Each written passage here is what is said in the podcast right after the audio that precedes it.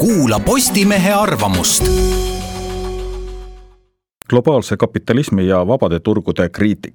paavst Franciscus ei mõista konteksti, milles elab Euroopa, sest tema huvid on globaalsed, ta on globaalne pastor ja ta ei näe absoluutselt näiteks rahvaste ajalugu.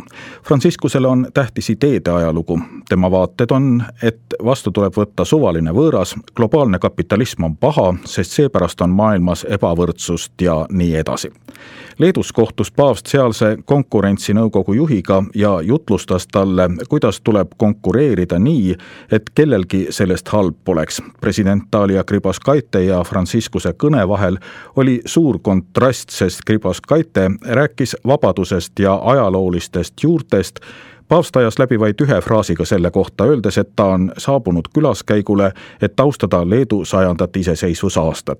edasi roolis paavst jutu juba oma lemmikteemadele kolmes Balti riigis ei leia paavst tõenäoliselt toetust, sest nendes maades suhtutakse vaba turgu ja konkurentsi positiivselt.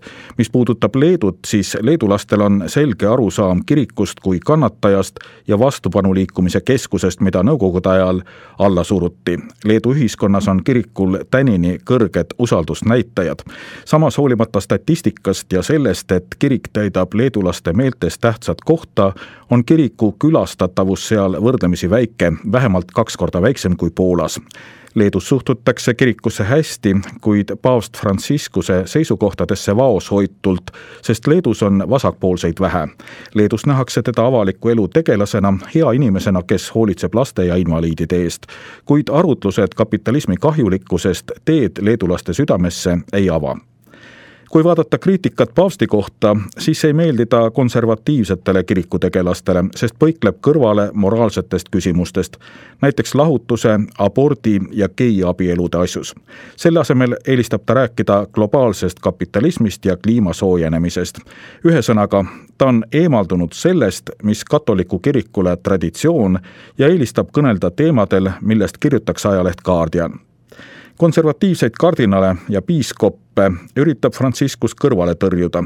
kui oled nagu kardinal McCarrick, vasaktsentrist, ent tunned tõmmet noorte ning ilusate seminaristide vastu, siis on olulisemad vasakvaated kui see, et sinu moraalset käitumist ei tohiks kirik heaks kiita Franciscuse tugev külg on see, et ta üritab teha usku lihtsaks ja kättesaadavaks. kuid tal on kaks nägu, üks, mida näitab meedia ja teine, mida ei näita.